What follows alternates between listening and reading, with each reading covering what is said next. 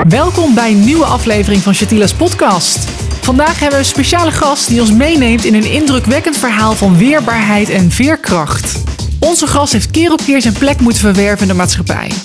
Maar deze ervaringen hebben hem niet weerhouden van het najagen van zijn dromen. Van Curaçao naar een achterstandsbuurt in Tilburg-Noord. En nu auteur van het boek Rust. Creative director en documentairemaker. In deze aflevering delen we het inspirerende verhaal van Wensley Francisco en bespreken we hoe ingewikkeld het kan zijn om patronen te doorbreken. We verkennen thema's zoals weerbaarheid, veerkracht en het vinden van je eigen identiteit. Luister naar het fascinerende verhaal van Wensley over succes en persoonlijke groei.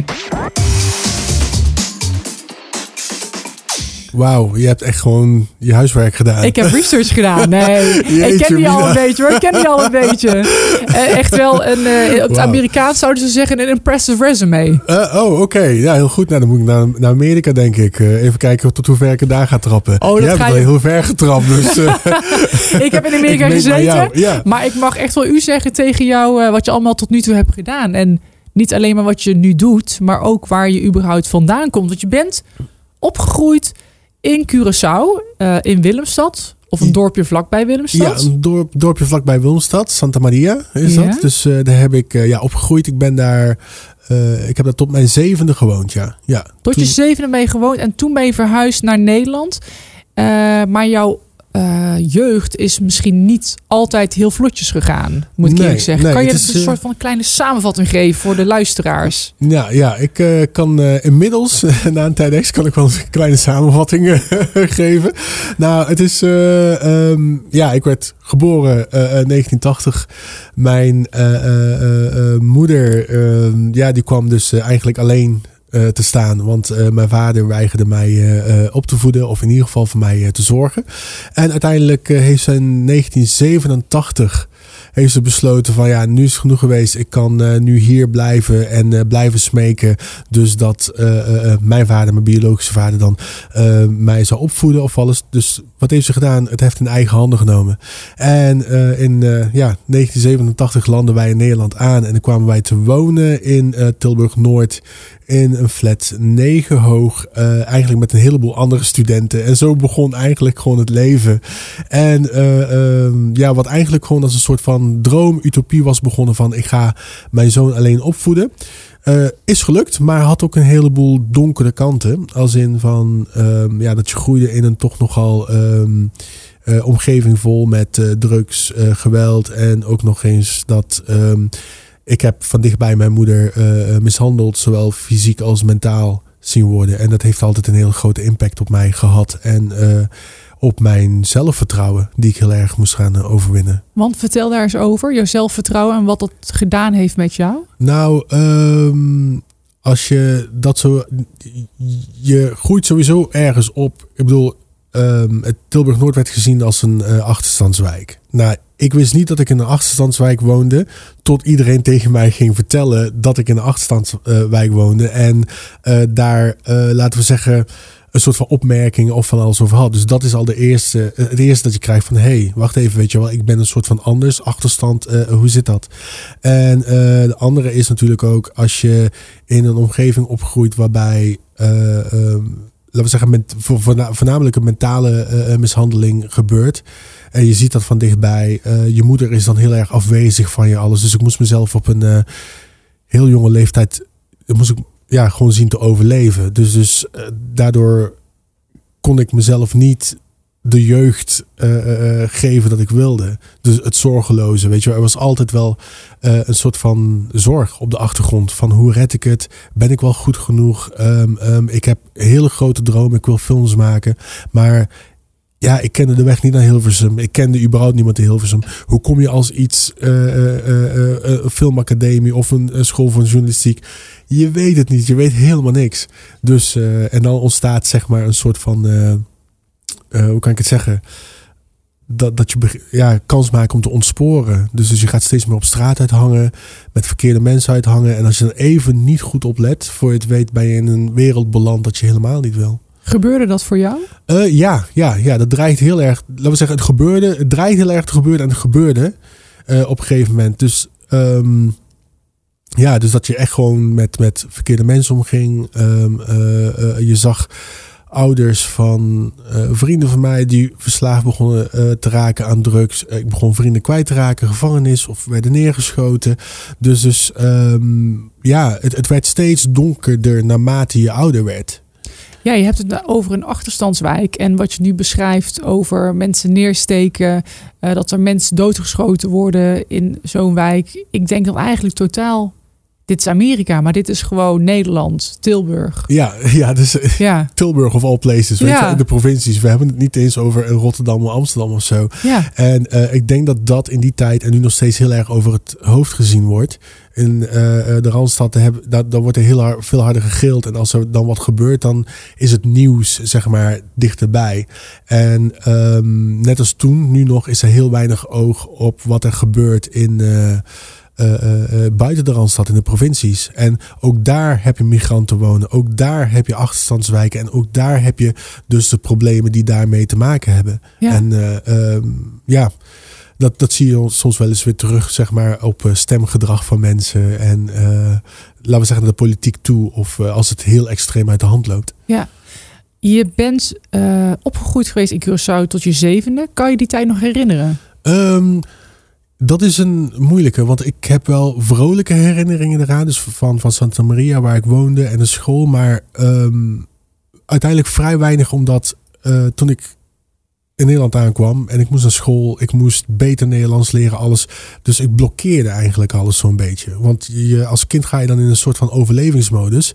En je hebt ik totaal had, achterstand. Ja, ja, dus ik had vrij weinig nodig van waar ik vandaan kwam. En, en uh, dat is wel het mooie van kind zijn. Je kan, je kan het verleden gelijk blokken en denken van... oké, wat heb ik nu nodig hmm. om voor te kunnen? Nieuwe vriendjes maken. Daarvoor moest ik de taal beter leren. Uh, uh, ik moest een nieuwe omgeving leren kennen. Alles. En dat is dan op dat moment veel belangrijker tegenover uh, mijn moeder, die veel ouder is natuurlijk en heel veel waarde hechtte aan het eiland nog. En nu nog steeds. Maakte je snel vrienden op school? Ook al had je bijvoorbeeld een taalachterstand op dat moment? Um, ja, ja, ja. Dus, dus ik was wel verstaanbaar, omdat ik natuurlijk Nederlands kreeg op uh, Curaçao zelf. Dus ik was verstaanbaar en ik kon mezelf ook wel uh, communiceren dus met, de, met de kinderen daar. Dus het ging wat makkelijker.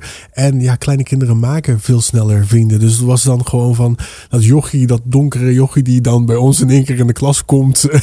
die nemen we mee aan de hand en die gaan we dan de zandbak laten zien en alles en nog wat. Dus uh, dat, dat, is wel, dat, dat was wel fijn, zeg maar. Ik denk dat ik het heel anders zou hebben ervaren als ik ouder was. Ik neem aan um, dat het toch wel een soort van shockende periode voor je was. Omdat alles is nieuw inderdaad, wat je zegt. Je moest nieuwe vrienden maken, nieuwe school, nieuw land.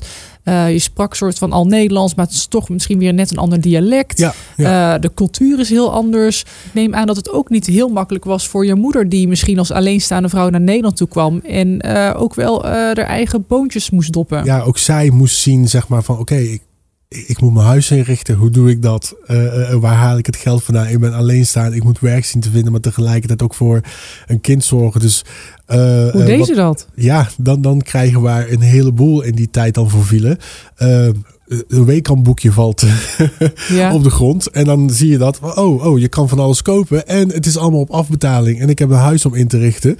Dus dan richt je het allemaal daarmee in. En voor je het weet, dan, dan uh, kun je dit niet helemaal afbetalen of dat. Want er zit rente. Dus wat je hebt gekocht voor misschien in die tijd 1000 gulden, is in één keer 2000 gulden. Dus ja, weet je, ze, moest, ze was gewoon um, financial illiterate. Ja. En dan kom je dus, dus daar op Curaçao, weet je wel, dan, dan is het veel gemoedelijker, veel kleinere bedragen. En hier kom je dan in één keer van, je moet een leven opbouwen en wij gaan je dat, dat geven. Leen maar lekker van ons en je betaalt het dubbele terug. En als je het niet kan, dan halen we je huis weer helemaal leeg. Ja. Dus, dus dat was, dat was nogal een harde. Ja, en Heftig. wat je dan daarbij krijgt is dus, op een gegeven moment kwam ik daarachter hoe dat werkte. En um, uh, ook het gênante natuurlijk. Dus als er iets, weer iets betaald kon worden, ja, dan, dan hangt er weer zo'n uh, brief van de deurwaarde bij voor de deur waar iedereen kon lezen. In die tijd mochten deurwaarders en incassos die mochten je nog gewoon publiekelijk shamen. Ja. Nu is het ondenkbaar, maar Ja. in die tijd... eh, Mocht dat? Ja, Gebeurde je- dat dan ook? ja, dat gebeurde ook. Oké. Ja, ja en, dan- en dan kwam je en, dan- en dan zag ik weer zoiets. En dan had ik een vriend bij me of zo. En dan denk ik van, oh my god, weet je Ja. wel. eh, Zij weten hier misschien iets van. Ja, ja, en ze, ze kennen het. Of de buren weten van, oh, hij heeft, eh, ze hebben dan weer de kosten niet betaald. Dus je gaat, je gaat echt door zo'n shaming ga je heen. En dan ga je jezelf afvragen van, why me? Weet je wel, waarom ik? En vooral als kind is dat totaal niet leuk. Maar is, zijn jullie er nog uitgekomen? Is je moeder er in die periode? Je bent natuurlijk bij er nu uitgekomen. Maar je- is je moeder er in die periode nog eh, uitgekomen? Of hoe heeft ze dat gedaan? Ehm, Ze ja, op een ja. Dus- manier natuurlijk geld binnenhalen. Ja, ja, dus sowieso werken. Maar op een gegeven moment ehm, was het zo, eh, eh, wat ik zei, dus, dus ze had echt gewoon mijn, de- haar vriend, zeg maar, dat, dat was gewoon iemand, daar, daar kon je niet van uitgaan. Dus dat er inkomsten binnenkwamen. Je kreeg eerder eh, eh, eh, boetes binnen en van alles die betaald moest worden. Dus op een gegeven moment weet ik nog heel goed, en dat beschrijf ik ook in mijn boek. ehm, dat is eentje van de stukken dat ik vooruit durf te komen, dat geen fictie is in het boek is dus dat, ja, wat gebeurde er? Op een gegeven moment, ik kom thuis als een klein kind en al mijn bezittingen zijn in een winkelwagen. En mijn moeder zegt tegen mij van ja, je moet nu met een winkelwagen, moet je dus naar je tante toe lopen, want waarschijnlijk eh, eh, worden wij uit huis gezet.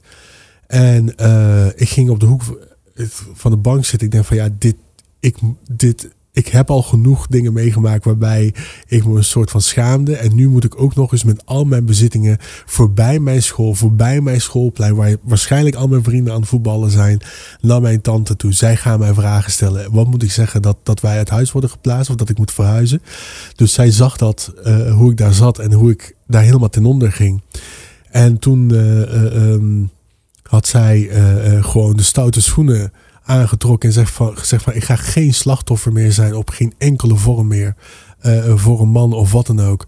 En er is echt letterlijk eh, ja, de criminele pad opgegaan. Laat ik het zo zeggen. Ja, Ik las zelfs een stukje in je boek dat zij een soort van de koningin was geworden van de drugswereld. ja, ja dat, dat, dat omschrijf ik, weet je wel. Dus, dus dat is de titel van het boek, zeg maar. eh, mijn moeder, de drugskoningin. Dus ze was natuurlijk geen drugskoningin. Maar in die tijd, zeg maar, heeft ze toch wel eh, gezegd van... eh, ik ga bij de eerste beste dealer.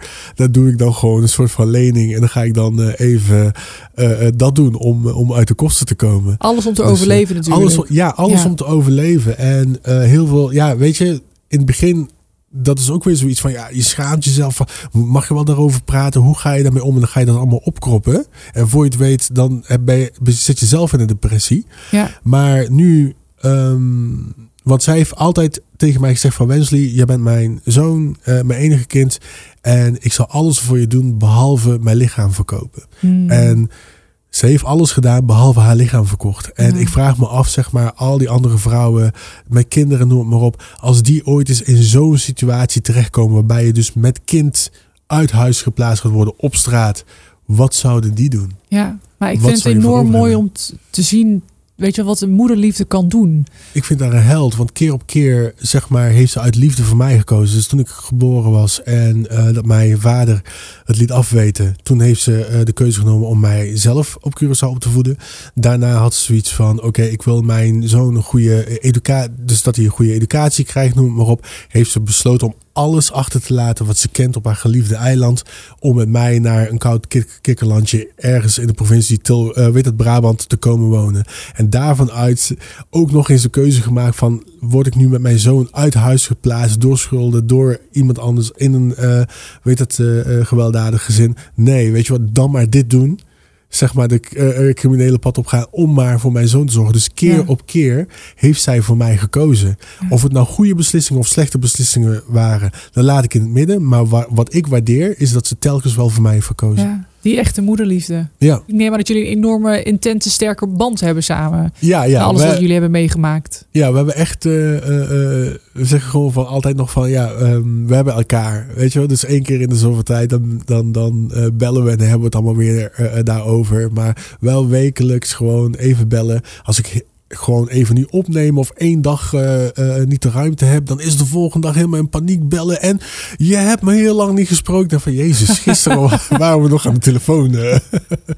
Mooi, dus, eh, mooi ze kan het heel serieus opnemen. En dan. ze heeft het goed, neem ik aan. Ja, ze Nu? heeft het goed, ja. Hoe Ja. is ze eruit Ja. gekomen uiteindelijk? Ehm, uiteindelijk, ehm, eh, eh, eh, ze is, laten we zeggen, qua karakter ook veel rustiger geworden. En veel wijzer. Veel wijzer. En wel door alles wat ze heeft gemaakt, dus financiële problemen, noem maar op, is ze toch nog wel financial literate geworden. Ze heeft dus geleerd, zeg maar, hoe je met geld omgaat en voornamelijk hoe je hier met, in Nederland met geld omgaat. En, Ja, eh, ja. Noem het maar op. Ja.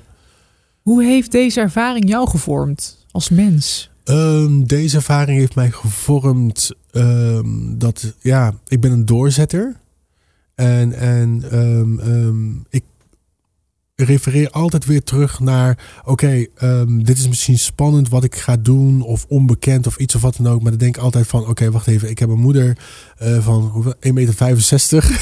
die, De helft van mij. ja, die ervoor heeft gekozen om alles achter te laten en hier in een onbekend land alles op te bouwen. En het is haar gelukt. Geweldig. Dus waarom zou ik nog twijfelen aan mezelf of ik iets kan of niet of wat Ja. dan ook? Zolang zij dat heeft gedaan Ja. met succes, why not? Wauw. Dus een bepaalde mindset heeft het jou gegeven. Ja, ja, het geeft je echt gewoon de mindset van, de van de winnaar. En plus Ja. nog door eh, ehm, alle dingen heen die wij. eh, want nu lijkt het alleen maar of ik ellende meemaak. Dat is natuurlijk niet. Want ik heb natuurlijk prachtige tijden met haar eh, meegemaakt. Maar zij geloofde altijd in mij. En ondanks alles wat we meemaakten, was het altijd zij die zei van mensen, je kan alles doen wat je wil.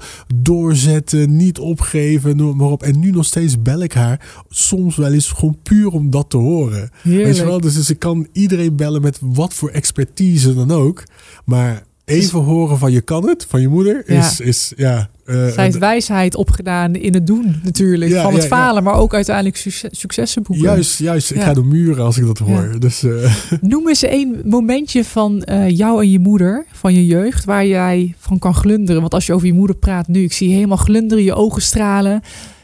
En je, zeker heb je niet alleen maar ellende meegemaakt. Dus noem eens één momentje op dat je denkt van wauw, hier ben ik zo trots op. Of dit is echt een momentje ehm, die ik voor altijd zal herinneren. en Nou- waar ik een gelach van op mijn gezicht krijg. ja, ehm, ehm, dat mijn moeder mij heeft opgevoed met eh Blaxploitation films. Wauw, wat betekent dat voor de Ja. luisteraars?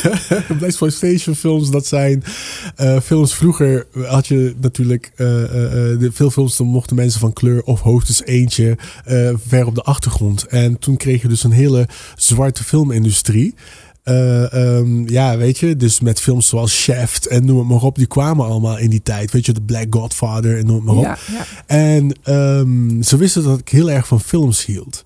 En Dat had je eigenlijk altijd al in je. eh, ja, daar heb ik altijd al altijd gekeken. Dus documentaires op televisie, noem maar op. En ik weet nog heel goed, dus dat zij, eh dat had je dan ehm, eh, Videoland. En dat had je dan de dure, duurdere A-films. En eh, ja, dat konden we dan niet betalen. Dus dan gingen ze dus naar eh, de Jumbo, heette dat. En dan kon je dus... Wat is een jumbo dan? Een soort van ja, dat was zo'n heel oude videotheek. Bestaat Oh, niet meer. Ja, de Ja. Jumbo videotheek. En eh dat, daar kon je, dacht ik, voor één gulden in die tijd kon je al één film huren. Geweldig. En dan had je van die Black Exploitation films. Dus ze huurden een heleboel van die films. Waar En heel ik- veel African Americans in speelden of mensen met een tintje. Afri- ja, Af- mensen met een tintje en African American, die, die speelden dan daar. Allemaal van die, van die kung fu films met Jim Kelly erin en eh, noem het maar op allemaal. Dus, Ja. dus ik ben echt heel erg opgevoed met kung fu films, eh Black Exploitation, noem maar op. Want ja, dat waren de goedkopere films. Ja, maar dat waren ook de mensen die je dan zag in een film, Ja, die dat hebben bereikt, die succes hebben bereikt en die misschien hetzelfde kleurtje hebben die je ziet, hebt. Je ziet jezelf Je weer ziet terug. jezelf. Ja, ja. En, en Ze gaf jou een voorbeeld. Dat kan je ook. Juist, juist, Mooi. inderdaad. En ik weet nog heel goed, dus dan zaten we s'avonds naar films te kijken. En dan lag ik dan bij haar eh, eh, eh, in haar armen gewoon naar Jim Kelly, die zij onwijs knap vond. Daarom kijken, zij maar. deze. En daar komt dus de voorliefde van, van, van films komt daar vanaf. En hoe ik denk hoe films gemaakt en documentaires gemaakt moeten worden, is daardoor gevormd. Wauw, fantastisch. Ja. Want even voor de luisteraars thuis. Jij bent nu een van de succesvolste documentaire en filmmakers. Eh, je hebt het enorm ver geschopt. Vertel eens even eh, een kleine samenvatting voor de luisteraar. Hoe heb jij die route uiteindelijk bewandeld van eh, nou ja, jonge kerel die hele grote dromen meekreeg van zijn moeder. Tegelijkertijd ook wel in een achterstandswijk woonde en geen ouders had die wisten hoe ze de weg naar Hilversum moesten bewandelen. Of hoe ze de weg naar de filmindustrie moesten bewandelen. Want het is een bepaalde weg. Ja. Eh, het is ook misschien een klein beetje geluk, maar wat was jouw weg? Hoe heb je dat bewandeld en hoe ben je erachter gekomen? Hoe, heb je, hoe heb je de juiste mensen op je pad weten te vinden? Wauw. Ehm, Nou, het hele verhaal duurt heel lang, maar... Die gaan we in de volgende podcast Ja, ja, horen. maar in het kort, heel kort. Heel kort. Eh, via, het, eh, eh, via het leger eh 13 jaar lang discipline opgedaan. Wauw. Daar de kans gekregen, zeg maar, om ja, eigenlijk gewoon te studeren. Ehm, eh, eh, ze gaven mij ook gewoon de vrijheid om op redacties te werken. En zo, zeg maar, via het leger uiteindelijk gewoon een transfer weten te doen. Ehm, van defensie over naar eh, de omroepen. Oké, en hoe, Dus, eh, hoe was die, die switch voor jou dan? Van defensie is heel anders dan tv-wereld. Ja, ja, het is, eh, ik ben nog steeds, laten we zeggen, aan het afkicken. Ze zeggen het duurt tien jaar. In 2013 ben ik officieel uitgegaan. Dus dit jaar is het precies tien jaar waarbij je dus de overgang maakt ehm, eh, naar de burgermaatschappij. Gefeliciteerd. Eh, ja. Moet je nog gefeliciteerd ja, zeggen? ja zonder, Nee. dit, dit zonder PTSS of wat anders. Precies, geweldig. En ehm, ja, dat, dat ehm, eh, eh, proces wil je het hebben. Ehm, hoe kan ik het zeggen? Hoe ben je op het pad gekomen in televisieland? Heb jij gewoon gesolliciteerd op een vacature die open stond? nee, ik had echt gewoon... ja, Ja, dat is toch waar? Ik zit gewoon te begon, gokken. ik begon met eh, in Tilburg... Slikken en spuiten, toch? Spuiten of slikken. Oh, spuiten en slikken, sorry. Nee, andersom. Jezus, we gaan zo ver weg in de Ja, tijd. nee, we kunnen knippen. Wel- ja, een heel succesvolle filmmaker. Maar begon ooit eens een keer bij Spuiten Slik van alles te doen. ja, nee, ja, inderdaad. Ik begon eigenlijk ehm, eh, bij Wat Nou TV in Tilburg. Dus, dus dat was gewoon echt de pre-era van, van internet. Dat was online. Mochten wij korte filmpjes maken. Dus dan leerden we dat. En eh, uiteindelijk zag ik een, ehm, ja, iets op internet voorbij komen over een nieuwe BNN-programma. Spuiten, slikken. En ja, ik wist er het fijne niet van, maar je mocht van alles uit gaan proberen. Ik had natuurlijk heel veel zelfvertrouwen vanuit het leger. En met mijn groep jongens, de Youth Freelance Reporters. Ze van, wij komen op televisie nationaal, dat komt helemaal goed. Ik weet, ik weet hoe we het gaan doen. Geen idee. Maar gewoon Je moet zelf- ergens beginnen. ja, zelfvertrouwen in het leger. Ik weet het, ik kan dit. Zelfvertrouwen die ik vroeger niet had, die had ik misschien te veel op dat moment. Dus, Door het ehm, leger, omdat je in het leger ja. gegaan was. Ja, ja, ja, dus ik had dat en ik zat nog gewoon midden. Ik was infanterist, alles. Dus ik zei van ja, jongens, we gaan dit doen. Ja, wat moeten we dan doen? Nou, weet je wat? We gaan dus gewoon een demo maken. Toen hadden wij eh, via via op een feestje van eh, DJ Chucky eh, weten te komen. Die was in die tijd helemaal hot. hot. En ja, we maakten gewoon echt de meest bizarre film met webcam girls en van alles nog wat. Gewoon van ja, ik denk dus dat, dat zij dit willen zien. Ja. En we stuurden het naar BNNVARA naar Sjoerd van den Broek en die nodigen ons uit. En eh, Ze vonden het geweldig. ze vonden het geweldig en voor je het weet hadden wij ja, hadden we een baan. Wauw. Dat was eigenlijk de hele kick-off van jouw eh, filmcarrière. Ja, ja, ja, dus, dus laten we zeggen Nederland breed, zeg maar. Ja, Eh, geweldig. zo begonnen. Ja, en nu En, maak je een van de grootste documentaires en films die Nederland te zien krijgt. Ja, Ik wil nog heel even kort teruggaan naar jouw legercarrière. Want volgens mij, wat ik ook zo hoor uit jou eh, tussen neus en lippen door, was het toch wel een hele belangrijke periode in jouw leven. Dat is volgens mij een periode geweest die jou wellicht ook wel heeft gevormd tot de man die je nu bent. Ja, naast ja, de invloeden die je hebt gekregen van je moeder. ja, inderdaad. Van, van, van, je- van mijn moeder kreeg ik natuurlijk liefde. Ik kreeg te horen dus dat ik het kon, eh, eh, dat ik ervoor moest gaan, noem het maar op. Maar eh, ik miste de discipline en de kennis. En waarom was dan dat je in het leger überhaupt gestopt was? Was dat doordat jij die discipline miste? Of was dat omdat je het moest? Omdat ik moest. Dus op een gegeven moment... Ja, het is eigenlijk een beetje van beide. Dus, dus het was zo op een gegeven moment... Ik kon... de straat begon echt, laten we zeggen... eh, hun tol te eisen, wat ik zei. Dus jongens begonnen, vrienden van mij begonnen in de gevangenis te, te eindigen. Sommigen eh, overleefden het niet. En ik dacht van ja, ben ik nou de volgende? Wat gebeurt er nou? Weet je, en ik wilde echt wat maken van mijn leven. Dus toen op een gegeven moment had ik echt zoiets van ja, nee, dit wil ik niet meer. Weet je, ik ben echt voor mijn gevoel ik ben echt voor, wat voor iets anders bestemd. En dat is dus films, docs, noem het maar op. En ik heb maar één kans om het te doen. Dus ehm, na eh, een vechtpartij op straat, toen was ik er echt klaar mee. Want ik, ja, weet toen had ik echt zoiets van, wil ik dit? Bulten op mijn hoofd, bloedneus. Is dit nou wat ik wil in mijn leven?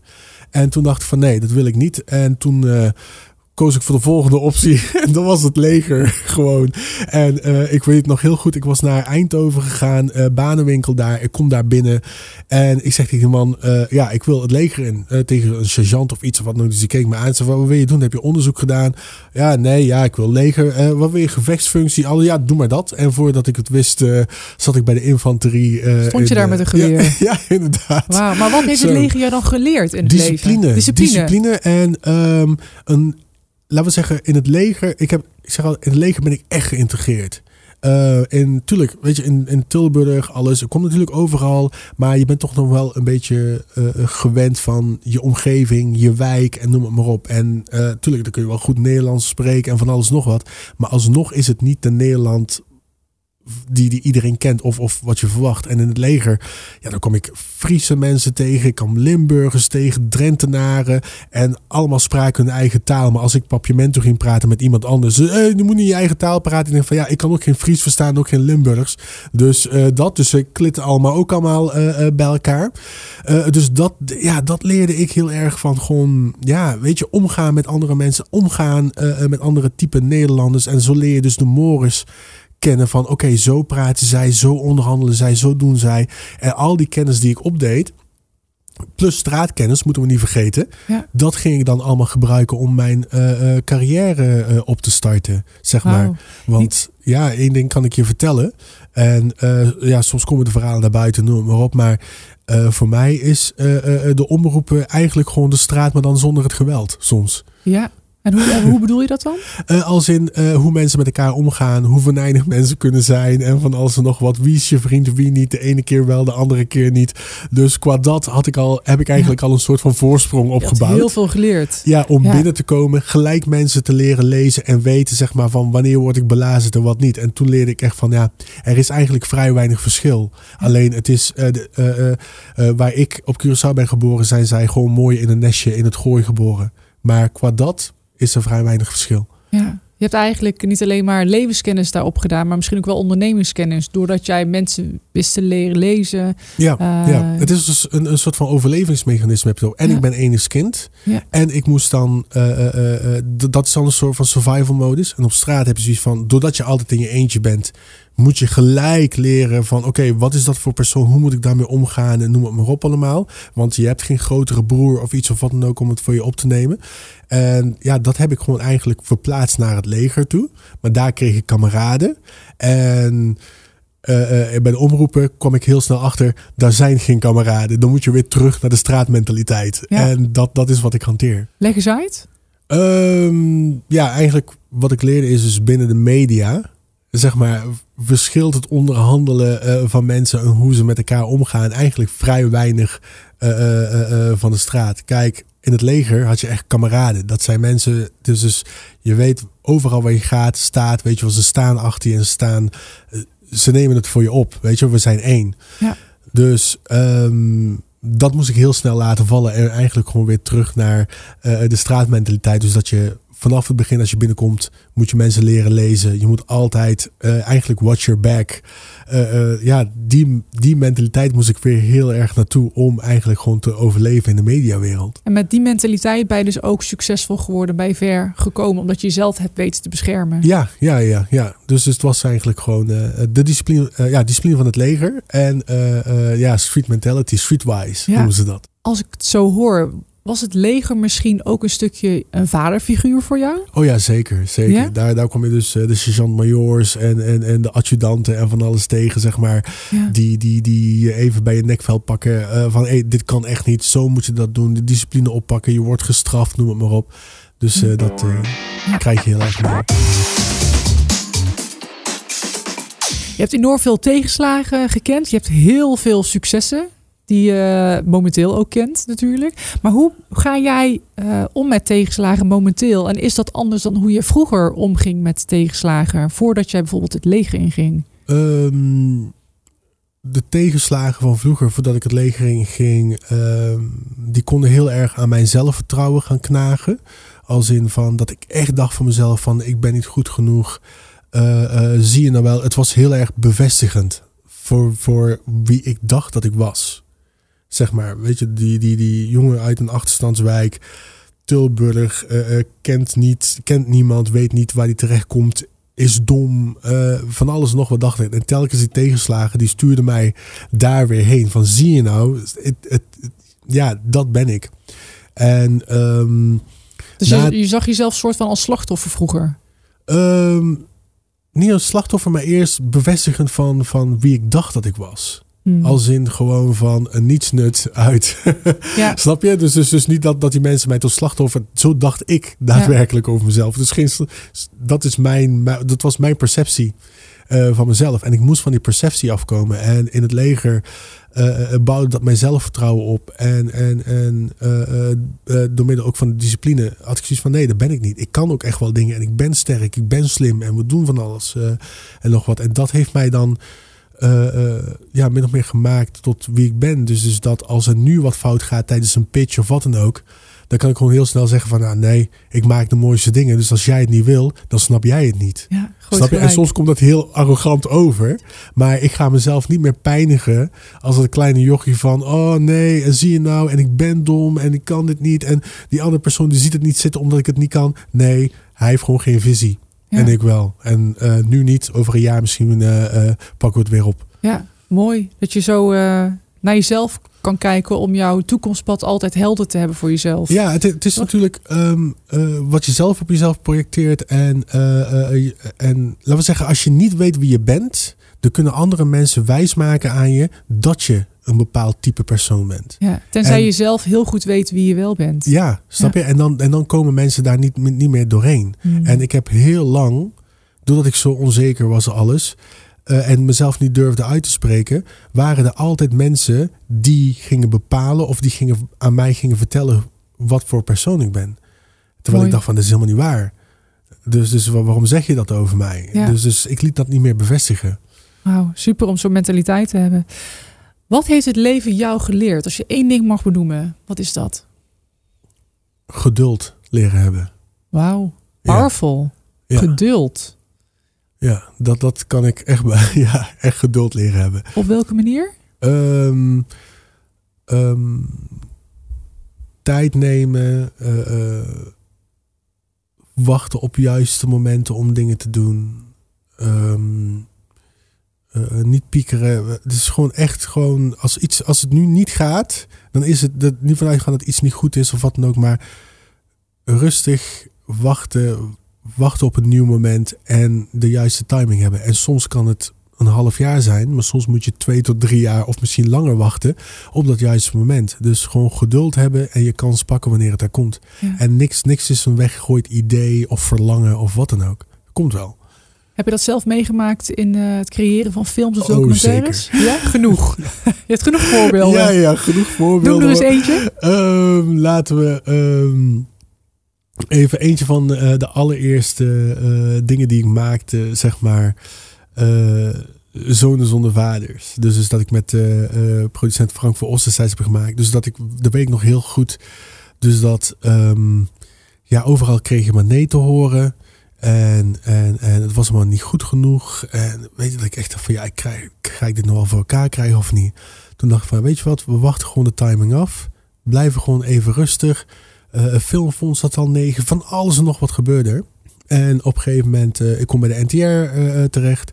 Ik mocht daar, in die tijd was het dus twee korte documentaires maken voor het programma Vals Plat. En um, toen leerde ik een producer kennen, Hans Twint. En we raakten heel goed bevriend met hem en we waren aan het praten. En ik had mijn ambities gewoon veel later nog. En toen zei ik tegen hem van ja, ik heb hier eigenlijk een heel goed idee. Mag, mag, mag ik dat bij jou op bureau leggen? En dan zorg jij dat het bij de juiste mensen komt.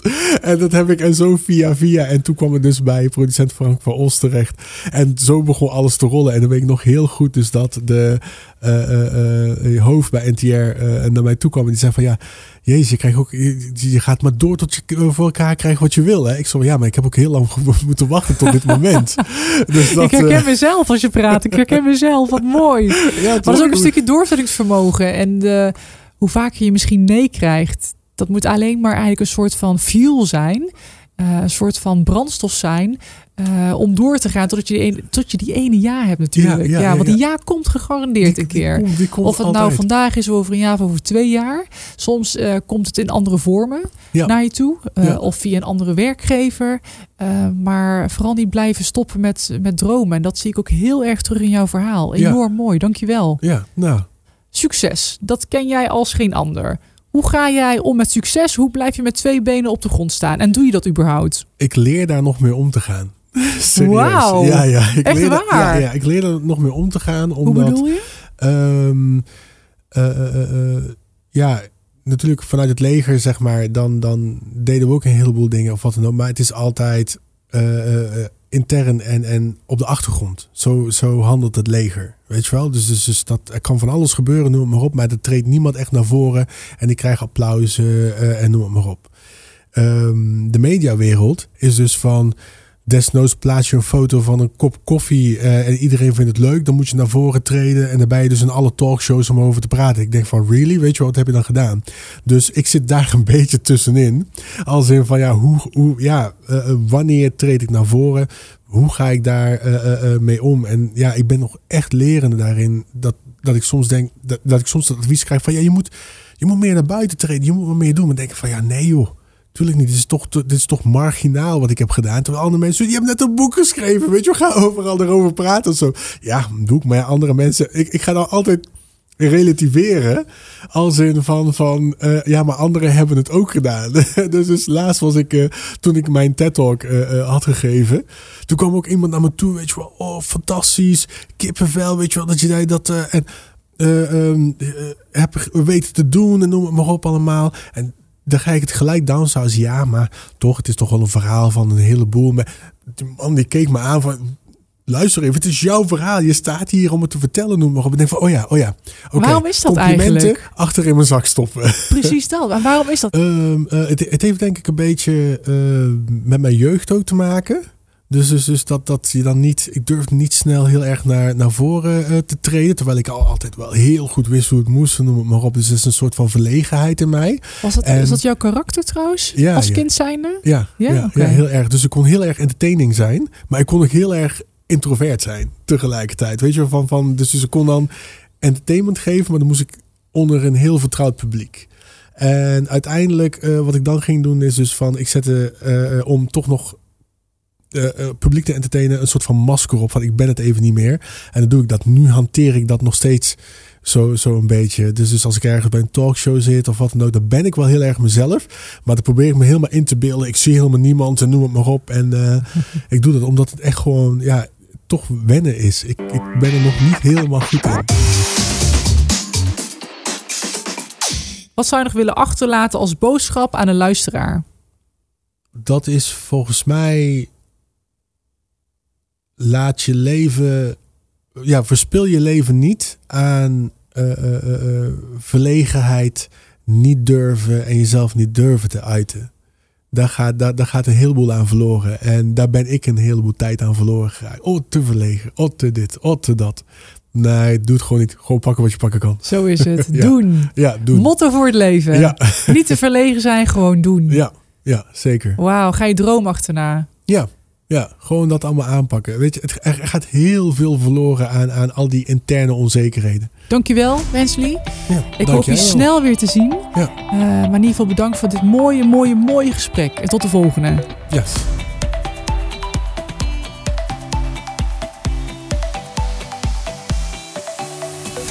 Deze podcast wordt mede mogelijk gemaakt door gezondheid.nl. Het platform met het laatste nieuws uit onze gezondheidszorg. En zwanenhof.com. Het landgoed waar zorgmedewerkers gratis kunnen onthaasten en opladen. Wil je meer weten over deze podcast? Of mij een bericht sturen? Ga dan naar mijn website chatinevanginsweg.com.